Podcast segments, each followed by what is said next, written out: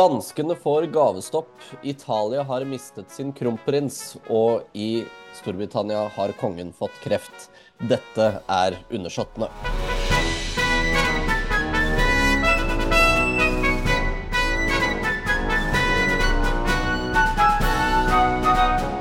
Velkommen, Tove Tollesen.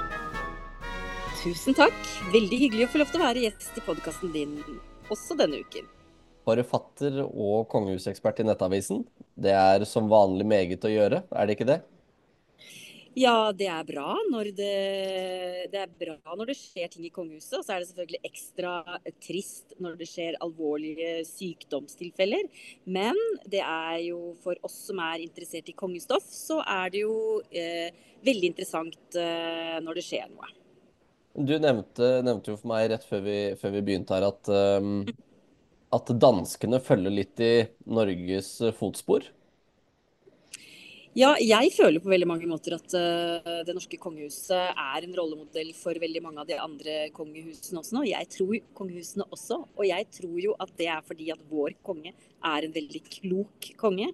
Uh, og for en del år tilbake så gjorde jo de en grundig gjennomgang av uh, hoffet og kongehusets retningslinjer, bl.a. i forhold til det å motta gaver fra både offentlige gaver fra gjester som statsoverhoder, men også fra privat næringsliv. Og der er det et veldig strengt regelverk eh, i eh, det norske kongehuset. Og de, alle gaver over 1000 kroner skal jo registreres. Det samme er det jo også i Spania og Storbritannia. Men Danmark derimot, de har hengt litt etter. Men fra nå er det ny eh, konge. eh, nye regler, og fra 2024 så må de også opp i gaver uh, de mottar fra eh, Altså offentlige gaver i forbindelse med, med, besøk, men også fra næringslivet. Og det oppfordres også til at man ikke skal få gaver, da. Og det er klart det er, Vi husker jo fra en tid tilbake litt skriverier om problematikken rundt det. Det jo, høres jo fint ut å få gaver, men det er klart at eh, er du kongelig, så er du jo på en måte et uh, levende reklameplakat. Uh, og det er jo mange interesser rundt om som kan tjene gode penger på at man har en veske eller en kjole eller et smykke eller en, et interiørgjenstand. Så jeg syns det er fint at man har har et regelverk på det, og at Danmark også får det. da. Altså er det vel en, vel en måte å unngå habilitetssaker, holdt jeg på å si. Sånn, eh, ikke, at, ikke at kongefamiliene har så, har så mye direkte makt, men det er mye indirekte makt i både tittel og stilling. Ja, definitivt. Så uh, jeg tenker at det å være transparent i forhold til å motta gaver, og vi vet at uh, regelverket for andre influensere, hvis vi kan være så uh, frimodige i podkasten din og kalle de kongelige influensere, så har de i hvert fall stor påvirkning på oss andre. Så, og der er det jo et regelverk hvor man skal merke poster man legger ut og omtaler man gir i f.eks. en podkast som det her, da, eh, så skal det jo merkes hvis det er eh, reklame. Dvs. Si at hvis man har fått det som gave, eller man er invitert, eller, eh, eller man skal gjøre en jobb eller få, penger, få betalt for det. Så, så, jeg tenker at det er greit at det er likt for kong Salomon og Jørgen Hattemaker. Ja. Der er ikke jeg enig. Jeg mener at kong Salomon har forrang. og når det er sagt, da, så kan jo jeg si at jeg jeg sitter jo da på uh, Gardermoen i det vi nå skal uh, for, for, å gi et eksempel på hvordan, hvordan det bør gjøres. da så sitter jeg på Gardermoen nå på vei til uh, Tenerife uh, fordi jeg har et samarbeid med det spanske turistkontoret. Og alt jeg gjør da, det må jeg jo merke ved å skrive at dette er et samarbeid. Og det tenker jeg er fint også at når det lages offentlige lister som er søkbare for alle, så er det ikke noe habilitetsspørsmål. Og vi får, setter ikke kongefamilien i noe noe eh, vanskelig lys. Så jeg tenker at det er fint å være transparent, selv når du er kongelig. Da vet dere det, kjære lyttere, at Tove Tollesen hun er kjøpt og betalt av Spania. ja, så jeg skal ned og, og, snakke med mine eh, gode kontakter eh, i Spania og høre om det er noe nytt i det spanske kongehuset. Jeg satser på at, uh, at, du denne gangen blir hindret av det spanske kongeparet til å gjøre akkurat det du vil, sånn som du ble da du var i Paris. Så Å, gud, ja. Tenk deg. Ja, kanskje det. det. Da var det jo dronning Rania og dronning Sonja. Eh, vi får se. Kanskje jeg møter eh, kong Filipe eh, på karneval på Tenerife. Man vet jo aldri. Da får du hilsen så mye, i så fall. Da, Da da, prinsesse, da prinsesse Ingrid Alexandra ble konfirmert, så sto jeg utenfor slottet i hva da, fire timer, liksom i håp om å se kong Felipe. Men uh, det, det skjedde ikke. Det skjedde ikke. Han holdt seg innenfor slottets lukkede dører. Men Ole Jørgen, vi- hvis, hvis jeg møter ham, så tar jeg med i podkasten neste uke. Er det greit? Ja, hvis du hadde fått til det. Jeg har sendt mail om det til det spanske kongehuset, og jeg fikk ikke svar. Så vi, får, vi får gjøre det. Nå gjør jeg virkelig en, en, en eh, ekskursjon, eh, ekspedisjon ut eh, i, på kontinentet for å, for å se om jeg får det til. Jeg setter pris på det. Det er bra. Så er det jo en, eh, en liten tur til Frankrike, eller rettere sagt en tur med den franske presidenten til Sverige. For eh, det har vært statsbesøk eh, der. eh, Hvor det har vært selvfølgelig et ervervsfremstøt med, med næringsliv og, eh, og et grønt skifte, selvfølgelig. Det er jo gjerne det som står på, står på tapeten når det er, er statsbesøk. Og så er det jo jeg som legger merke til kuriositeter, selvfølgelig. Så Emmanuel Macron, den Frankrikes president, har jo da blitt utnevnt til ridder av Serafimerordenen. Ja, det er jo flott. Jeg også jo, legger jo litt merke til kuriositeter, men jeg tror vi har litt annet eh, Vi, har to forskjellige synspunkter her, og det er jo interessant. For jeg har nemlig hørt at rett etter dette statsbesøket så forsvant jo dronning eh, Silvia eh, ble observert på en klinikk i Tyskland. Eh, og da begynner ryktene å gå om at hun er eh, har lagt seg under kniven igjen. Men det er helt eh, ubekreftede rykter. Ja. Ja ja, noen blir riddere, andre får strammere ansikt. Jeg vet ikke. Det Men det er i hvert fall det er typisk sånn der verdighetstegn som blir gitt når det er innkommende statsbesøk. Kong Carl Gustav bar, eh, bar eh, den franske æreslegionen eh, idet han mottok eh, Emmanuel Macron. Så han har jo vært vært ridder av æreslegionen i mange år. Jeg klarte ikke å finne ut akkurat hvilket år, men det, det kunne en jo eh, bare sett tilbake på forrige gang det var et statsbesøk til eller fra. Og det, det er det er, det er litt interessant. Prins Henrik av Danmark bar alltid den franske æreslegionen. Eh, sånn som eh, dronning Margrethe alltid bar eh, Danebrogsordenen eh, på, ehm, på eh, Nei, unnskyld, elefantordenen. eh, under den da stjernen til det landet hun enten tok imot eller var på besøk hos. Så eh, prins Henrik hadde alltid tre. Ja, og hva, hva vet du grunnen til det? Det var jo bare fordi at han, eh, han så på det, antar jeg, da. eh, at fordi han var fransk, så skulle han bruke den høyeste ordenen han hadde fra Frankrike hver gang han var noen plass. Så Ja. eh, jeg trodde jo en stund at det var en eller annen eh, vietnamesisk eh, ridderorden, ettersom han også var Han var jo Han Ja. vokste jo opp i Vietnam. Eh, oh, ja. fordi at utformingen hans av æreslegionen var litt annerledes enn det eh, de andre, eller den vanlige æreslegionen er, da. Eh, så han har okay. åpenbart fått den liksom Jeg tror det var liksom en Der hvor dette Det er jo et, en profil av en eller annen jeg ikke kommer på i farta. Jeg tror det er noe sånn gresk gud av noe slag, liksom fra, fra okay. antikken. Um, Ja. Så hadde han lagt uh, fått lagt gjennomsiktig rad over det ansiktet. Så at det, var, det var en litt mer sånn iøynefallende farge. Og det er ikke vanlig på, på vanlige æreslegionskrasjaner, som det heter på pent. Mm. Men hadde han Men, fått eh, gjort det selv? Altså ikke selv, men hadde han fått gjort det på en måte spesielt for sin, for sin orden? Eller er det Ja, jeg vil, jeg vil tro det. Det er jo, det er jo eh, Du kan jo eh, I hvert fall før, da, så kunne du jo betale til uh, gullsmeden, eller den som da lager ordenen, for å få den smykket med om det var briljanter, rubiner, diamanter, uh, hva enn det skulle være. Det, de fleste, fleste, mm, fleste papirene som gjelder ridderordener eh, på Slottet i Oslo eh, før da 1905, og i hvert fall Mm. før St. Olavs orden i, i 1847, er eh, norske personer som har fått svenske ridderordener. og som Mm. ønsker at også, Eller som ber om hjelp til å betale for å få ridderemblemet laget, fordi at de ikke har råd til det selv. Okay. Og i statuttene fra både St. Olavsorden og Den norske løve, eh, så står det jo det at hvis eh, eh, ridder- eller hederstegnet er belagt med briljanter eller andre edle stener, trengs ikke hederstegnet å leveres tilbake ved innehavers Ah, bortgang. riktig. Nettopp. Ja, men det er jo et poeng det òg, for da får jo familien beholdt det. Det også er jo, er jo gøy for ettertiden å ha noe så flott eh, etter oldefar eller tippoldefar eller bestefar.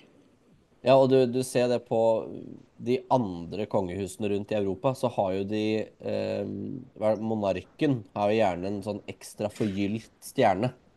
eh, som, eh, som gjerne er med diamanter og rubiner og sånn. Eh, Det mest liksom, kjente eksempelet er vel prins Alberts, eh, altså mannen til dronning Victoria, eh, sin hosebåndsordenstjerne. Den var jo belagt med bare diamanter. Eh, og samme med hosebåndet som han bar rundt låret, var også belagt med diamanter. Hvor det da dette mottoet til ridderordenen, Onisui Kimalipa, sto i diamanter. Så eh, ja. Det første som slår meg, at det må være fryktelig vondt å ha diamanter på det hosebåndet rundt låret, tenker jeg. Men eh, det var vel kanskje finurlig satt på, så det skulle være praktisk også. Ja, en skal lide for skjønnheten, er det ikke det det heter? Jo, dessverre. Vi må det. Vi gjør det Ja. stadig vekk. Vi må det. Vi må det. Men det var i hvert fall det var en, det var en lang avsporing om det franske statsbesøket. Ja. men eh, vi, skal, vi, vi holder oss liksom i, i Spania, Frankrike, Italia, for nå skal vi en tur til Italia. For eh, der så har den siste kronprinsen av, eh, av Italia gått bort. Victor Emanuel, prinsen av Napoli eh, og hertug av Savoy. Eh, men det hertug, det, den siste tittelen der skal vi tilbake igjen, for er ikke, man er ikke helt enig om hvem som skulle ha den. Men han eh, døde 3. februar, eh, 86 år gammel, eh, og var da sønn av eh, eh, Umberto 2. av Italia, som var den siste, siste regjerende kongen av, eh, av Italia. Han var eh, for så vidt også søskenbarn av eh, Simeon den den siste kongen av Bulgaria. Kjempespennende. Jeg kan ikke veldig mye om eh, det italienske kongehuset. Hvilke konsekvenser får det dødsfallet da for eh, den eh, familien? Nei, det er jo bare det at nå går da eh, over, hva heter det, overhodetittelen går videre til Emanuel Filiberto, som da er prins av eh, Venezia. Eh, han blir jo da prins av Napoli, som er arveprinstittelen i, i det italienske konge, kongehuset. Okay. Eh, men han har jo sagt det at han vil gi fra seg eh, tittelen som overhode for kongefamilien idet datteren hans føler seg klar til å overta. Eh, altså at det nesten blir en sånn der eh, indirekte abdikasjon. Eh, for hun er visst en sånn stor influenser med en stor følgerskare og kan gjøre mer for det italienske kongehuset enn det han kan, da mener han. Eh, dette ble vel bestemt i 2021, mener jeg. Eh, men du har, det er jo det er mye interessant eh, med det italienske kongehuset, for du har jo da to stykker som har krevd retten til å lede. Eh, den forrige var prins Amadeo, hertugen av Aosta. Han døde i 2021. Mm. Eh, han mente at fordi hans Nå må jeg tenke her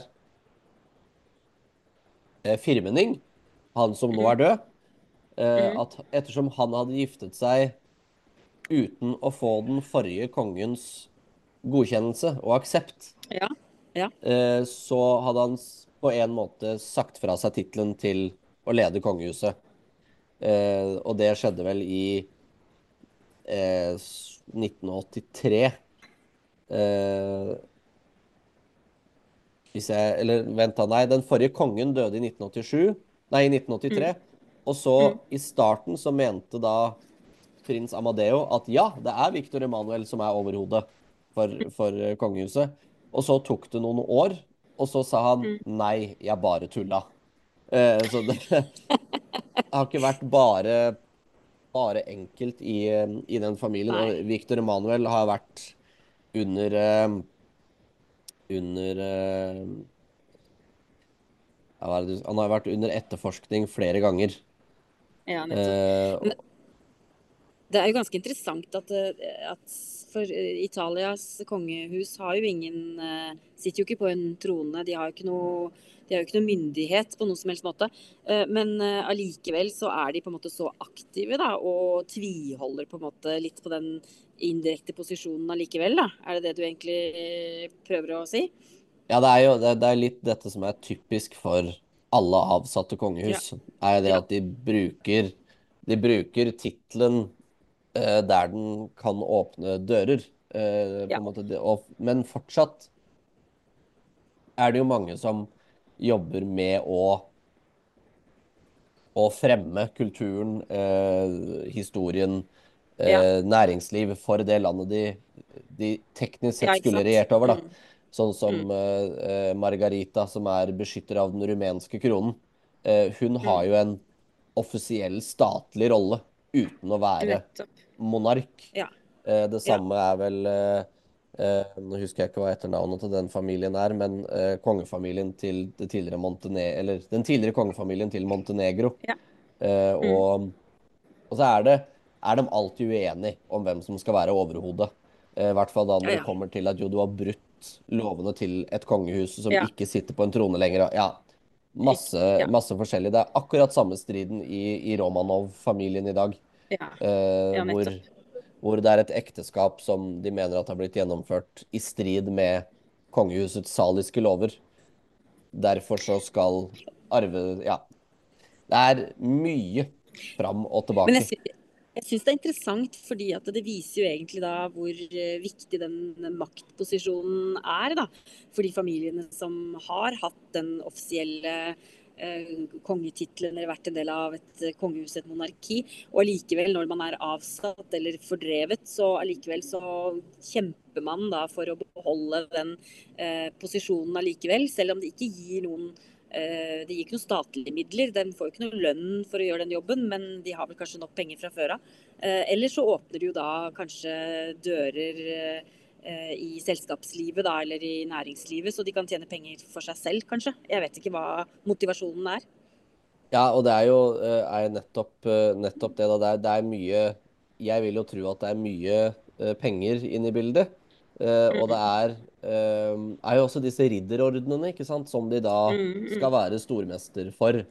Eh, Mm. sånn som du har da denne itali italienske annunciata-ordenen og ordenen for Sankt Mauritius og eh, Sankt Lasarus. Eh, så det er, der, det er der et av et av argumentene for denne kronprinsen som nå har gått bort, eh, sto, da, var det at han andre som mente han var overhodet, prins Amadeo, Amadeo, hadde Mm. mottatt Sankt Mauritius og Lasarus-ordenen av han andre. Som da vil tilsi at han faktisk anerkjente at han var overhode for ordnene. Og er du overhode for ordnene, så er du overhode for kongehuset. Hadde du skrevet en bok om det her, sånn, så hadde jeg lest den med stor iver. For dette syns jeg er kjempespennende. Å liksom dypdykke ned i hva er det som egentlig motiverer eh, eh, mennesker til å fortsette å kjempe for noe de ikke har, på et vis. Så Ja. det er en utfordring til deg. Skriv en bok om det her, da. Ja, men da tror jeg det bare er du som hadde lest den nå. Det er det som hadde vært litt Men i, i, i tillegg til på en måte at det er disse Ja. familiene som krangler, da, så har du jo også eh, for eksempel noe som heter ICOC, altså The International Commission for Orders of Chivalry, som også er med på en måte sånn bestemme hvem det er som er overhodet for en ridderorden. Ja. Og de òg mener jeg i dette tilfellet har anerkjent eh, eh, Victor Emanuel, han som nå døde, eh, som overhode. Eh, så Ja. jeg, jeg tror nok det er da hertug av, av, av Aosta-tittelen som, som ligger hos eh, prins Amadeo, ikke Savoy-tittelen, som da er arve, arveprinstittelen. Så, men eh, ja, det er, det er interessant. Det er godt vi kan nerde litt på et tema vi syns er spennende. Jeg, jeg elsker jo det her, så det, det er dette jeg er nesten Det er nesten mer morsomt med disse kongehusene som ikke regjerer Ja. lenger, for dem er litt mer, det er litt mer spice. Ja, og det, ja, det liker vi. Ja, ja, det, absolutt det gjør vi. Vi kan ikke ha et kjedelig vi kan ikke ha kjedelige kongehus. gir oss jo ikke noe å snakke om. Nei, eh, og for å skape en overgang, så kan jeg jo si det at Victor Emanuel var kjent som en hva heter det, sånn, flymegler. Altså at han solgte fly. Og vi skal jo prate om en fyr som har flydd fra Los Angeles til London. Oh, det var en smooth overgang her.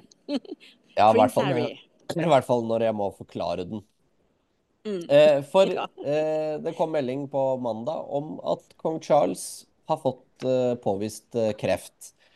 Dette ble da oppdaget i under denne operasjonen eh, som han tok for forstørret prostata. Og det eneste vi vet, er at det ikke er prostatakreft. Mm. Og jeg syns, sier jo egentlig bare stakkars Charles. Jeg tenker eh, han er jo en veldig Jeg oppfatter jo at han er en veldig uheldig mann. Eh, da han var tre år, så sto han vel i Westminster Abbey og så moren sin bli kronet. Og måtte da vente i over 70 år for å selv ta tronen. Og i løpet av den tiden så kjempet han for kjærligheten, som gjennom veldig store deler av livet hans var ganske ulykkelig. Eh, jeg syns det er så synd at han ikke fikk lov til å få på en måte sin eh, kjærlighet Altså Camilla, som han egentlig var veldig forelsket i og veldig glad i. Eh, og så, ikke minst, så var det den ulykksalige natten i Paris da Diana døde og snudde opp ned på hele det britiske kongehuset og hvor, eh, hvor, eh, barna sant, er preget av det for resten av livet. Og som igjen kanskje har vært en bidragsyter inn i den store konflikten som har vært i familien med, med, med sønnen, ikke minst sønnen Harry. Så uh, jeg, jeg, tenker at uh, jeg syns litt synd på Charles at han under et år etter at den fine, flotte kroningsseremonien ender opp med å bli syk. Eh, det syns jeg er veldig leit. Han hadde fortjent på en måte å Og han er jo Jeg tenker han har kjempa for også ikke minst støtte fra det britiske folket og kjærligheten fra folket, da, som, som eh, dronning Elisabeth eh, har hatt. Og vi har jo sett det siste året også at han er jo en meget hardtarbeidende mann også, med over 500 500 engasjement, tror jeg det var i fjor. Og, og det britiske folket har jo sluttet opp rundt han veldig i hele den korte tiden han har vært konge frem til nå. Og det ser vi jo nå i britiske aviser og media også, at eh, nå under sykdommen også, så støtter de jo veldig opp under han. Så jeg syns litt synd på han, altså jeg må si det. Så da var det kanskje en liten trøst at uh, Harry kom, reiste ti og en halv time fra Los Angeles for å besøke pappa i 30 minutter. Det var kanskje en liten trøst.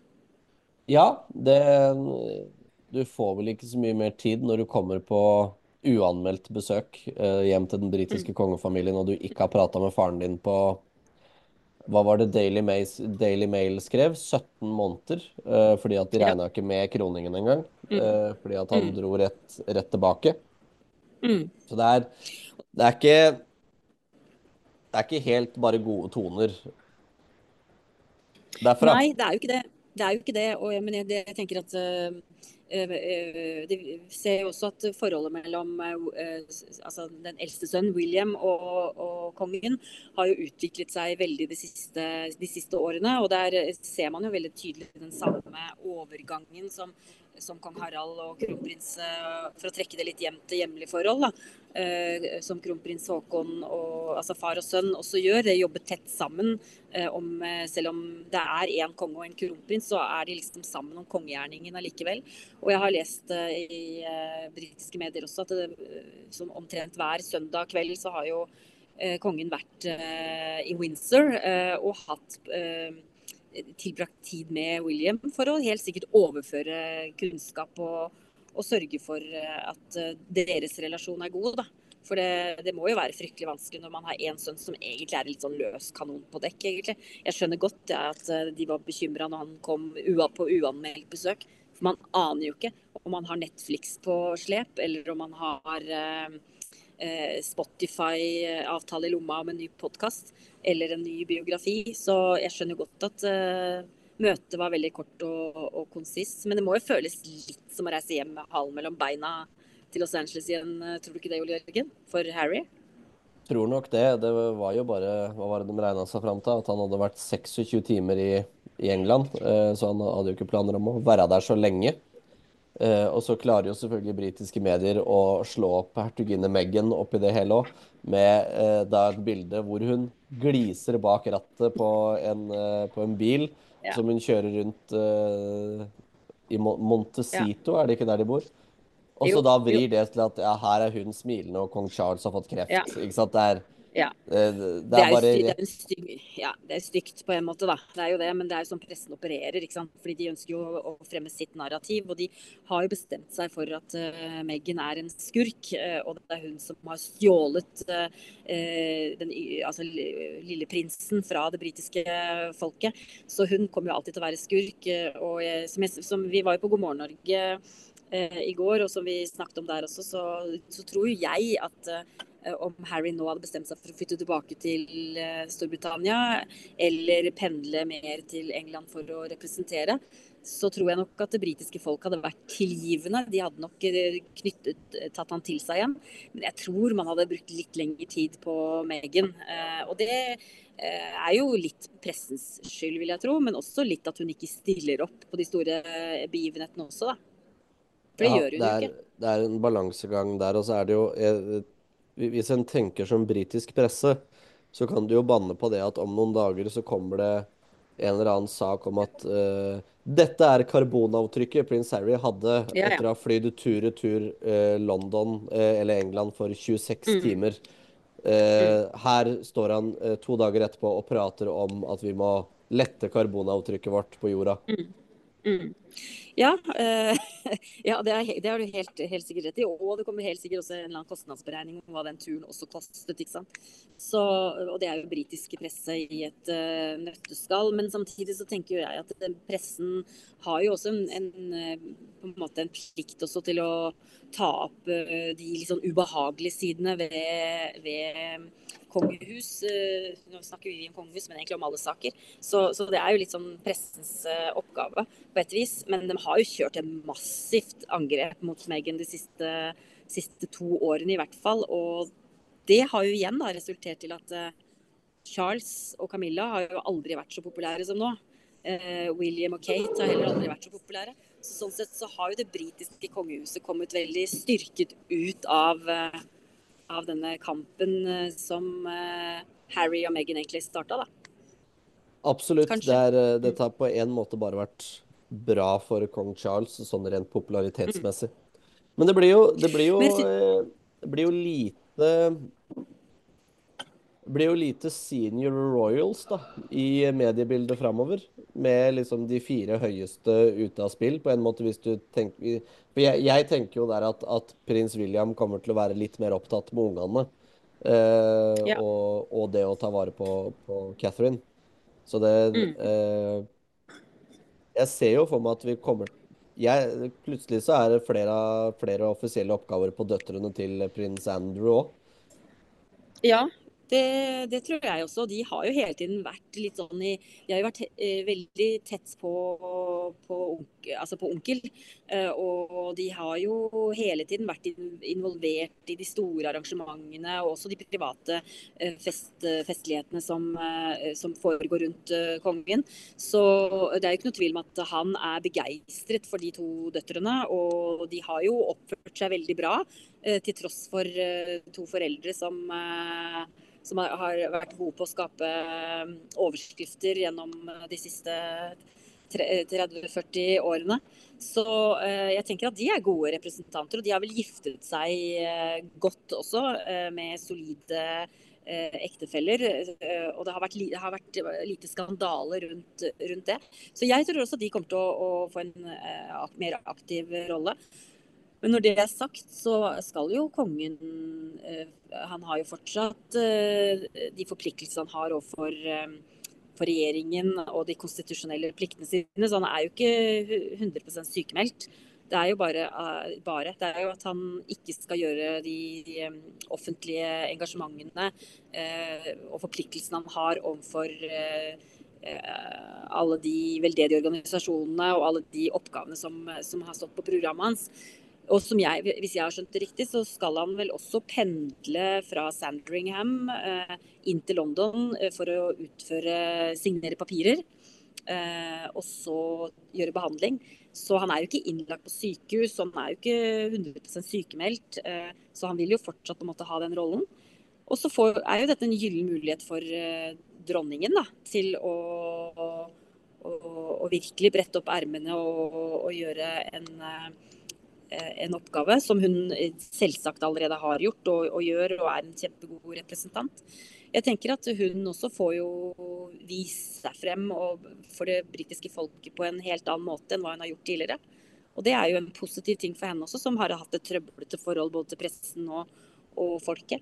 Og så er det jo prinsesse Anne. Hun er jo en god, god eh, støttespiller for eh, broren sin. Og ikke minst eh, eh, yngste bror og, og, kone er jo også en god representant. Heldigvis så har han jo skjøvet eh, den andre broren sin ut i kulda på et vis. Ja, det, det var nok lurt, eh, for så vidt. Eh, og det, det, det blir jo Det blir spennende å se hvordan hvordan det britiske kongehuset velger å løse det. For de, er, de har et problem uh, mm. nå uh, mm. på om Blir det da å fremme de yngre mm. uh, og få de opp og jobbe? Mm. Eller blir det å ta inn igjen de litt eldre, sånn som hertugen av Kent, hertugen av Gloucester, lady Alexandra og Gilvy? Er, er, er, ikke de over 80 år nå? Ja, Hertugen av Gloucester er ved 79. Hertugen av Kent ja. er 80. 88? Ikke for å være aldersdiskriminerende, men jeg tenker at det kan jo være lurt å jeg, jeg, har egentlig litt sånn forventninger til eh, datteren til uh, Sophie og Edward. Husker ikke jeg hva hun heter, det husker sikkert du som har god klisterhjerne. Uh, hun gjorde en veldig god figur under, under kroningen av Charles, av kongen. Eh, og fikk jo også veldig stor oppmerksomhet i, i pressen også, ikke minst for uh, Ute er det veldig overfladisk, men utseende og klær. For hun har jo ikke, har ikke hatt noen uh, offisielle arbeidsoppgaver. Men hun har jeg litt sånn uh, er jeg litt nysgjerrig på og lurer på om hun For hun er jo i en fin alder og, og, ser ut til å være en god representant. Så kanskje man, man trekker inn noen av disse yngre inn. Eh, det håper jo jeg, da, også for kongehuset sin del, egentlig. Ja, det er... Og så håper vi jo vi, vi, satser jo på at, eh, at, Kate er fullt tilbake i arbeid etter påske. Ja, absolutt. Absolutt. Jeg tror nok ikke vi kommer til å se så mye av lady Louise, som jeg måtte google meg ja. til at hun heter. For hun er opptatt med studier. Hun studerer på universitetet i St. Andrews i, i Skottland og begynte med der i mm i fjor høst. Eh, mm. Og med tanke på at prins William klarte å gå nesten uh, uten å jobbe i sin studietid, ja. så vil jeg anta at det er mulig også for, ja. for, uh, for lady Louise. Mm. Hun studerer jo på samme mm. universitet som, som Catherine og prins William uh, gjorde. Men vi har jo liksom litt av de samme utfordringene i det norske kongehuset også. ikke sant? At det er få få kongelige å dele arbeidsoppgavene på. Det er klart det gjør jo hele monarkiet sårbart. For det det gjør, er jo at det er færre eh, oppgaver eh, som blir utført, og færre mindre tematikk som blir eh, får fokus fra, fra, de kongelige. Og det går jo egentlig bare utover eh, foreninger, organisasjoner og, og næringslivet. Og, så det er jo landet som taper på det, egentlig. Så, så, det er jo et, eh, et, tankekors i forhold til vår egen eh, familie òg, tenker jeg. Og, og, er spent på fremtiden, hvordan, hvordan de har tenkt å løse f.eks. Det er jo ikke noe tvil om at eh, prinsesse Ingrid Alexandra skal jo ta over flere oppgaver etter hvert når hun er ferdig med sine studier og det hun skal gjøre for å bli en voksen kvinne. Men det er også spennende på hvilke tanker som ligger bak hos prins Sverre Magnus da, i forhold til eh, hans eh, mulige rolle for kongehuset inn i fremtiden? Ja, en kan jo ikke, kan jo ikke vite. Det er eh, det eneste, eneste som for, for, Storbritannia da, så er det jo denne unionen på en måte som er litt som, som kan briste eller bære på, på en sånn på, på en sånn periode som det åpenbart vi skal inn i, da, med, med mange sjukmeldte øverst Mm. i, i kongehuset, og ikke minst samveldet, på en måte alle disse statene Mm. som, som kong Charles også regjerer over i Mm. navnet. Så det er eh, Det blir spennende å se eh, hvordan det går, og hvordan de løser det. Men eh, jeg, jeg håper uansett at at vi tolker Eller at vi kan tolke den meldingen som kom ut i, i beste mening. Altså at, Mm. at, at det er et lett behandlig eh, en lett behandlet kreftsykdom som kongen har fått, og at eh, det ikke Mm. er de ikke kan utvikle seg eller verken det ene eller det andre. Og at det blei funnet Mm. på et, på et tidlig, tidlig stadie, som, eh, som Rishi Sunak eh, sa på BBC Radio eh, dagen etterpå. Ja. ja, det må vi jo bare håpe og ønske han eh, eh, alt vel og god bedring, tenker jeg. Det er, eh, det er ikke noe annet en kan gjøre, egentlig. Nei. Og med det så får jeg vel ønske deg god tur, eh, Tove. Takk for at du stilte opp eh, i podkasten igjen. Takk for at jeg får lov til å være med deg, og ikke minst lære av eh, all den kunnskapen som du sitter på. Det er, det er veldig fint å kunne bli mer kjent med liksom, hva du har oppi hodet ditt. Så det er veldig spennende. Så Ja, takk for meg. Kanskje du en dag må spise de ordene når du, får, når du forstår alt rart som er oppi der. Men takk skal du ha. Det var veldig hyggelige ord på, på slutten av en podkastepisode. Og til uh, våre lyttere vi lyttes.